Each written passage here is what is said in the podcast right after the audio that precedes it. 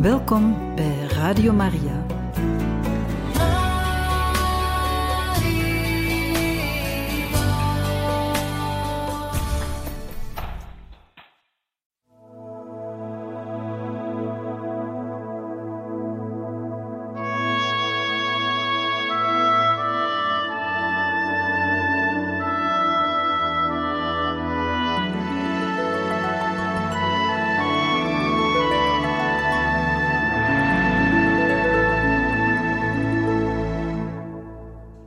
Goede vrienden, luisteraars van Radio Maria.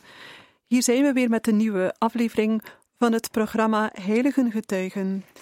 En wij lezen u verder voor uit het leven van de heilige Pierre-Julien Aymar, apostel van de Eucharistie, in het boek met als titel Morgen zal het te laat zijn. We zijn gekomen in het jaar 1855 en Pater Aymar worstelt eigenlijk met het feit dat hij geen toestemming krijgt van zijn oversten om de nieuwe congregatie te stichten ter ere van het Heilige Sacrament. En hij heeft zijn voorstel uh, voorgelegd aan de paus. Voor mij is Rome de paus. Er leek geen oplossing te komen, totdat Pater Favre op een dag in februari aan Eymar meedeelde dat hij voor zaken naar Rome moest en dat hij bereid was het onderwerp met de Heilige Vader te bespreken. Ik zal uw zaak aan de paus voorleggen, en ik hoop dat u zich zult onderwerpen aan wat de paus zegt. Absoluut, en met heel mijn hart, antwoordde Eymar. Hij wist dat Pius IX het project al had gezegend en dat hij zeker niet op zijn woord zou terugkomen. Het Eucharistische project leek zeker. Eind februari vertrok Pater Favre naar Rome. Pater Aymar schreef vanuit Chantrey: Ik leid en ik hoop. Hij vergeleek zichzelf met iemand op zee die slechts een plank heeft om zich aan vast te klampen en die zich overgeeft aan de genade van de wind, in het volste vertrouwen op de goedheid van God. In Chantrey heb ik gebeden. Ik kan zelfs zeggen dat ik nog nooit zoveel heb gebeden en geleden, smekend aan God om Zijn heilige wil bekend te maken. Pas op 22 april kwam Pater Favre terug uit Rome en ik kwam hem eindelijk opzoeken in Chantrey. Het was negen uur s morgens en Pater Favre vroeg of Eymar met hem in de tuin wilde wandelen om te praten. Favre bracht hem het nieuws. Zo herinnert Eymar zich de gebeurtenis kort nadat die had plaatsgevonden. Rome, zei Favre, is van mening dat ik u geen toestemming moet geven om dit Eucharistische project te ondernemen. Goed, pater, antwoordde pater Eymar zonder aarzelen. De zaak is geregeld. De kwellende affaire duurde maar een paar momenten. Rome had gesproken en hij zou zich onderwerpen. Hij zou zich opnieuw verbinden aan zijn maristenroeping en zijn betrokkenheid bij het Eucharistische project definitief laten varen. Plotseling leek het allemaal zo eenvoudig, zo rustig dat alles geregeld was. Beide mannen waren opgelucht. De twee wandelden verder en spraken over de manier waarop Eymar zijn werk kon hervatten. Nadat bepaalde afspraken waren gemaakt, begon Pater Favre te vertellen over zijn indrukken van Rome en zijn bezoek aan de Heilige Vader. Pater Eymar was nieuwsgierig naar wat de paus precies had gezegd over het Eucharistische project en vroeg Favre hem te vertellen hoe het was gegaan. Pater Favre antwoordde: Ik heb je vrienden en adviseurs gesproken, Pater Alphonsus, bisschop Luquet en Pater Gandel, de magister-generaal van de Dominicanen. En ze zeiden me allemaal dat ik je niet bij de Maristen moest ontslaan en dat je bovendien niet mocht blijven werken aan een Eucharistisch project. En hoe heeft de paus u dat gezegd? vroeg pater Eymar. De generaal-overste aarzelde, schaamde zich blijkbaar en zei aarzelend: Toen ik mij in de aanwezigheid van de paus bevond, was ik zo ontroerd dat ik helemaal vergat het onderwerp ter sprake te brengen. Hij voegde eraan toe: dat was ongetwijfeld door Gods toedoen. Pater Eymar staarde hem geschokt aan. Hij kon nauwelijks geloven wat hij zojuist had gehoord, maar hij begreep heel goed wat dit betekende. De Heilige Vader had zijn voorstel niet afgewezen. Welnu, riep Pater Eymar uit, er is helemaal niets geregeld. Voor mij is Rome de paus. In dat geval, schoot Favre terug, moet je de Maristen verlaten. Ik kan en mag je niet van je geloften ontslaan. Pater Eymar was verbijsterd door de reactie van zijn overste. Toen hij weer bij zijn positieven was, vroeg hij of hij een paar jaar aan het Eucharistische project mocht werken tot het goed op gang was gekomen. Pater Favre weigerde ronduit. Er zou geen compromis gesloten worden over het Eucharistische project. God heeft mij krachtig tot dit werk aangetrokken, vooral de laatste twee jaar, smeekte hij. Al meer dan vier jaar is die genade in mijn ziel aan het werk. Ik heb er tegen gevochten, ik was er bang voor. Ik was bang voor het kruis en voor het lijden. Het enige wat ik wilde was toestemming om me enige tijd met dit project bezig te houden. Ik wilde mijn banden met de Maristen, die ik lief heb, niet verbreken. Bovendien wilde ik niet op dwaze wijze een toevluchtsoord verliezen. Ik zie nu dat God van mij verlangt dat ik een volledige breuk maak, dat ik zelfs mijn bruggen achter mij moet verbranden. Het offer moet totaal zijn. God eist volledige overgave aan Zijn genade.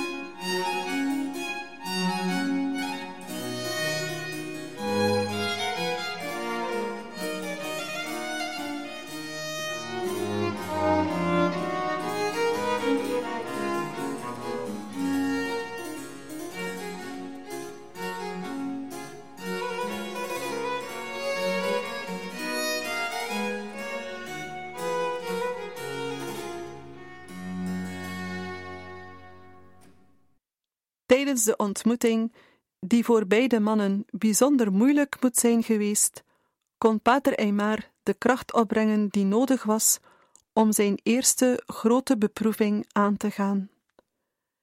Hij zocht diep in zijn ziel en vond daar een even onverzoenlijke God. Maar in plaats van overweldigd te worden door wat God van hem vroeg, herkende hij een uitnodiging om een andere weg te volgen.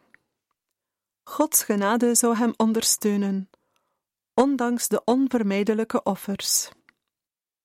Het was nu duidelijker dan ooit. De weg die voor hem lag, leidde naar de Eucharistie.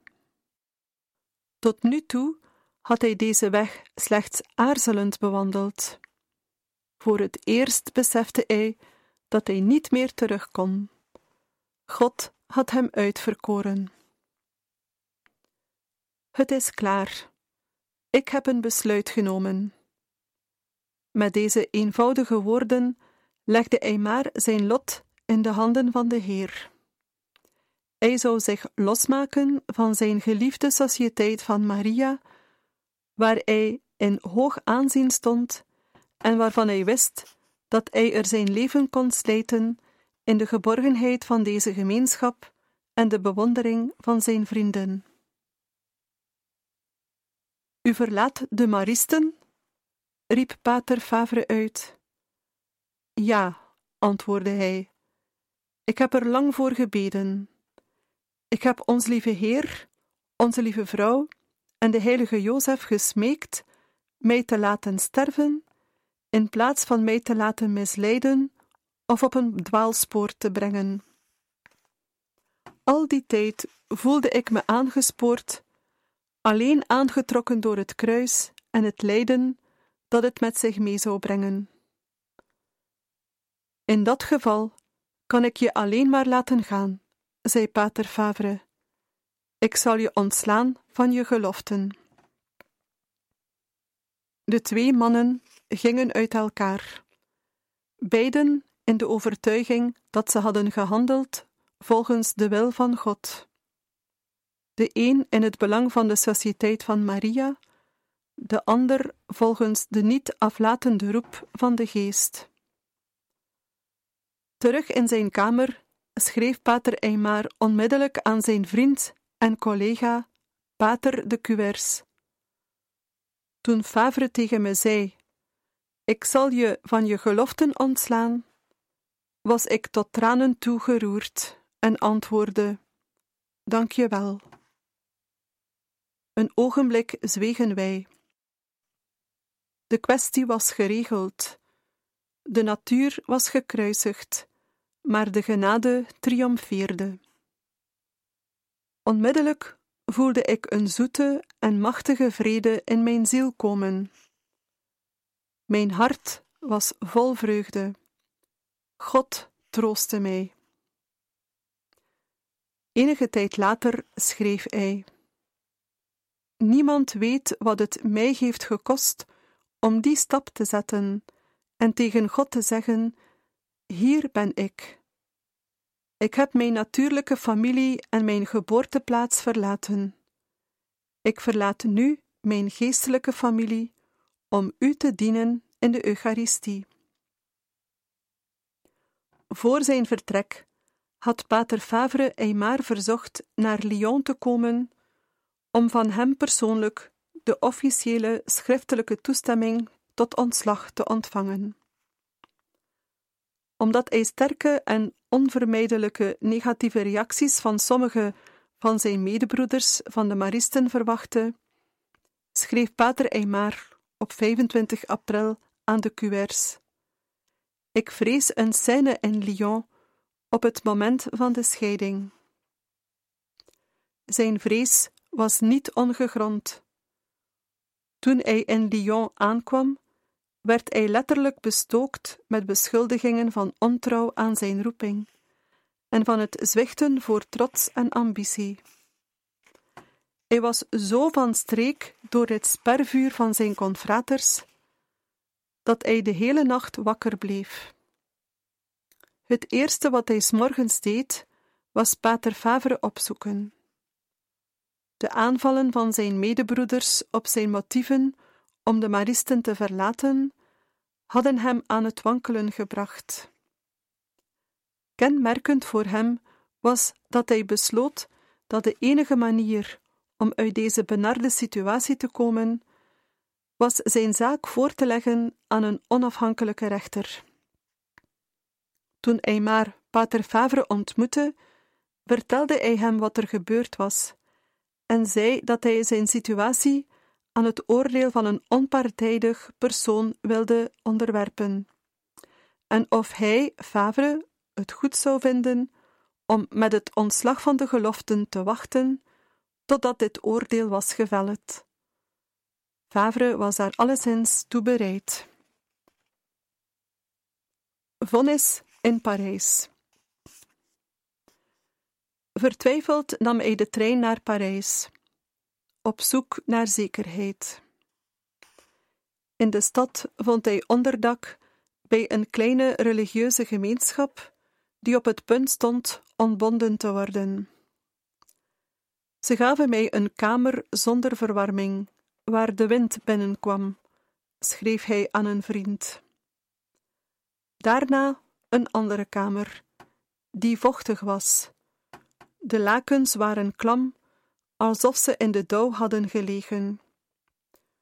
Het eten was erbarmelijk, maar God ondersteunde mij. Zo begon zijn retraite op 1 mei 1856, Hemelvaartsdag. Op aanraden van zijn vriend, bisschop de la Bouillerie van Carcassonne, ging pater Aymar naar bisschop Cibour, hulbisschop van Parijs en neef van de gelijknamige aartsbisschop, om zijn probleem uit te leggen.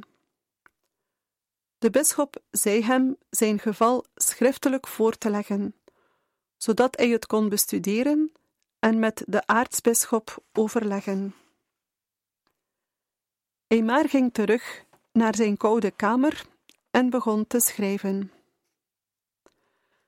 Sta mij toe dat ik mijn ziel voor u openleg over een idee waarvan ik geloof dat het van God komt. Maar omdat ik mijn eigen zwakheid en de illusies van eigenwaan wantrouw, heb ik uw wijze raad nodig om te kunnen handelen volgens de gewone wegen van de goddelijke voorzienigheid, dat wil zeggen door gehoorzaamheid. Daarop legde hij zijn situatie uit en beloofde zich te zullen schikken naar het besluit van de bisschop. In afwachting van een antwoord schreef hij aan een vriend: Ik heb mijn hart opengesteld voor een geleerd, ervaren en taai man die ik nog niet kende. Zijn laatste woorden aan mij waren deze: Ik moet bidden, nadenken en overleggen. Dinsdag zal ik u een antwoord geven. Wat dat antwoord zal zijn, weet ik niet. Ik ben enigszins gerustgesteld door het feit dat ik openhartig heb verteld wat er in Lyon tegen mij is gezegd. Ik heb eigenlijk te veel gezegd om er nog enig vertrouwen in te hebben. Maar de wil van God zal door hem bekend worden. Als hij mij zegt het idee op te geven, zal ik dat doen in de wetenschap dat ik naar eer en geweten heb gehandeld. Ik ben nog steeds alleen op retraite, alleen met onze Heer. Een beetje meer gebed, geduld en overgave aan God, en de hele zaak zal spoedig voorbij zijn. Hij zei overtuigd te zijn van Gods hand in deze zaak en toch bleef hij sceptisch over de afloop. Tegen Pater de Cuers, die al in Parijs was aangekomen, zei hij zelfs dat hij zijn koffers had gepakt en klaar stond om naar de Maristen terug te keren, zodra hij het negatieve antwoord van de bisschop zou krijgen.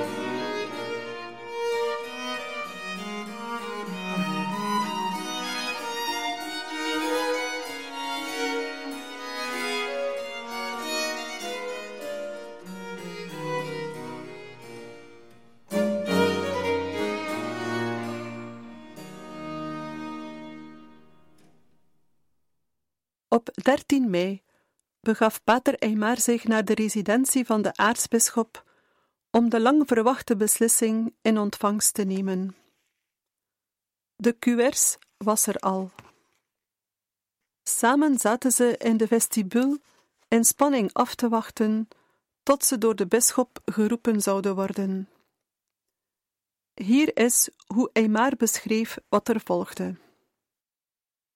Wij zaten in de vestibule te wachten toen de aartsbisschop, die doorgaans zijn bezoekers niet zo ver uitgeleide doet, zich genoodzaakt zag tot aan de trappen te lopen, uit respect voor de net vertrekkende admiraal Parseval. Op de terugweg merkte hij ons op en vroeg wie wij waren en wat wij kwamen doen. We zeiden dat we op bisschop Siboer wachten. Wat bisschop Siboer doet, kan de aartsbisschop toch ook doen. Wat willen jullie? Dus vertelde ik hem over het besluit dat we kwamen ontvangen. Dus u bent een priester van de Maristen? Ja, antwoordde ik. Bisschop Siboer heeft me er alles over verteld. Nee, nee, het is puur contemplatief. Ik ben geen voorstander van die dingen. Nee, nee. Ik antwoordde meteen: Wat u zegt over ons doel is niet juist. Het is niet een zuiver contemplatieve groep. Wij aanbidden, natuurlijk, maar wij willen anderen ook tot aanbidding brengen. We willen ons bezighouden met de eerste communie van volwassenen. Wij willen de vier hoeken van Frankrijk doen ontvlammen, en in de eerste plaats de vier hoeken van Parijs, dat daar zo'n behoefte aan heeft. Bij het horen van deze woorden lichtte het gezicht van de aartsbisschop op. De eerste communie van volwassenen, herhaalde hij. Dat is wat ontbreekt, het werk waar ik naar verlang. Hij leek enthousiast. De aartsbisschop nam hem bij de arm en leidde hen naar zijn raadzaal, waar Monseigneur Sibour en Pater Carrière, overste van het gezelschap van Saint-Sulpice, al zaten te wachten. Hij drong erop aan dat de zaak verder besproken zou worden. Pater Eymar vertelde later. De aartsbisschop beschreef het plan met lovende woorden. Bisschop Sibour noemde het de kroon op alle werken van aanbidding in Parijs. Carrière was er vol lof over. De aartsbisschop gaf toestemming en keurde het goed met vaderlijke vriendelijkheid en zei: Nu zijn jullie mijn kinderen. Pater Eymar verzocht hen de kwestie van de dispensatie van zijn geloften als een afzonderlijke kwestie te behandelen. Ze kwamen overeen hem de volgende dag te ontmoeten. Toen hij de volgende dag aankwam, werd hij geconfronteerd met drie bisschoppen. Monseigneur de la Bouillerie was uitgenodigd om aan het gesprek deel te nemen. Nadat Pater Eymar in detail zijn geestelijke weg naar een eucharistische roeping had beschreven en de stappen die hij had ondernomen om de echtheid ervan te testen, waren de drie bisschoppen het erover eens dat de goddelijke voorzienigheid inderdaad in deze zaak aan het werk was geweest. Zij herhaalden hun positieve reactie van de vorige dag. Bovendien gaven zij Eymar de bevestiging waarnaar hij wanhopig had verlangd om zich met hart en ziel aan het Eucharistische project te geven en zijn onzekerheden, aarzelingen en besluiteloosheid voor eens en voor altijd opzij te zetten. Pater Eymar hoorde de woorden waarvoor hij naar Parijs was gekomen. De wil van God is duidelijk geopenbaard in het Eucharistische werk. God zelf heeft het probleem opgelost. U moet zich aan deze onderneming wijden. Er is geen reden voor verdere aarzeling. U moet doorgaan. Dezelfde avond schreef hij aan Pater Favre. Na twaalf dagen van wachten, gebeden, tranen en overgave is de beproeving eindelijk voorbij. Tot tweemaal toe heb ik het antwoord gekregen dat het Gods wil is dat ik mij toewijd aan het werk van het Heilige Sacrament. Ik zal niet vertellen over de pijnen, verzoekingen en beproevingen die het God behaagde mij te laten doorstaan. Nog zal ik u vertellen hoeveel het mijn hart en ziel en al mijn gevoelens heeft gekost om deze stap te zetten, deze grote stap. Want ik zie alleen het kruis en de kelk. En toch ben ik blij als God mijn offer aanneemt. Wat ik u kan zeggen, is dat ik altijd, in hart en dankbaarheid en kinderlijke toewijding, een kind zal zijn van de Sociëteit van Maria. Hoe zou ik anders kunnen doen dan houden van een genootschap dat zo'n goede en tedere moeder voor mij is geweest? Pater Favre wachtte niet met antwoorden. In een brief van 20 mei schreef hij: Beste confrater, eindelijk is de zaak voorbij. Mogen Gods heilige wil, niet de onze, geschieden. Alles wat ik kan zeggen is: Mogen God u en uw werk zegenen. Ik smeek u mij nieuws over uzelf te blijven geven. Dat zal mij altijd blijven interesseren. Onze scheiding van elkaar zal niet beletten dat wij elkaar altijd zullen liefhebben in het hart van Jezus en Maria. Pater Eymar begon nu aan een nieuwe reis. Het verlaten van de Maristen was pijnlijk. Een nieuwe religieuze gemeenschap beginnen zou hem geen rust geven. Uitgeput door de stress van de onderhandelingen over zijn vertrek bij de Maristen en het verkrijgen van de goedkeuring voor het nieuwe Eucharistische project, kreeg hij een ernstige longontsteking en was hij genoodzaakt rust te zoeken bij vrienden in hun landhuis in Leudeville, ten zuiden van Parijs. Het Eucharistische project van Eymar plaatste hem in het midden van een heropleving van de devotie tot het Heilige Sacrament, die zich in die tijd in de kerk in Frankrijk voordeed. Ook al ontving men over het algemeen nog maar zelden de communie, toch was de kiem voor een grotere waardering voor de Eucharistie al gelegd in vele devotionele praktijken. Pater Eymar stimuleerde onvermoeibaar de regelmatige communie tegen de gangbare opvattingen en gebruiken in. Een aantal van zijn tijdgenoten bevorderden ook verschillende eucharistische devoties. Émilie Tamissier zou spoedig de praktijk van de Eucharistische congressen inluiden. Herman Cohen en Raymond de Cuers hadden al de vereniging voor nachtelijke aanbidding gelanceerd.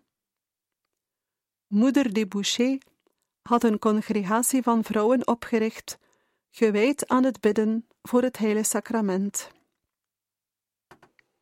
De bijzondere bijdrage van Pater Eymar aan deze bewustwording van het belang van de Eucharistie in het christelijke leven kan misschien het best uitgedrukt worden in zijn overtuiging dat de Eucharistie de bron is van een heropleving van het katholicisme.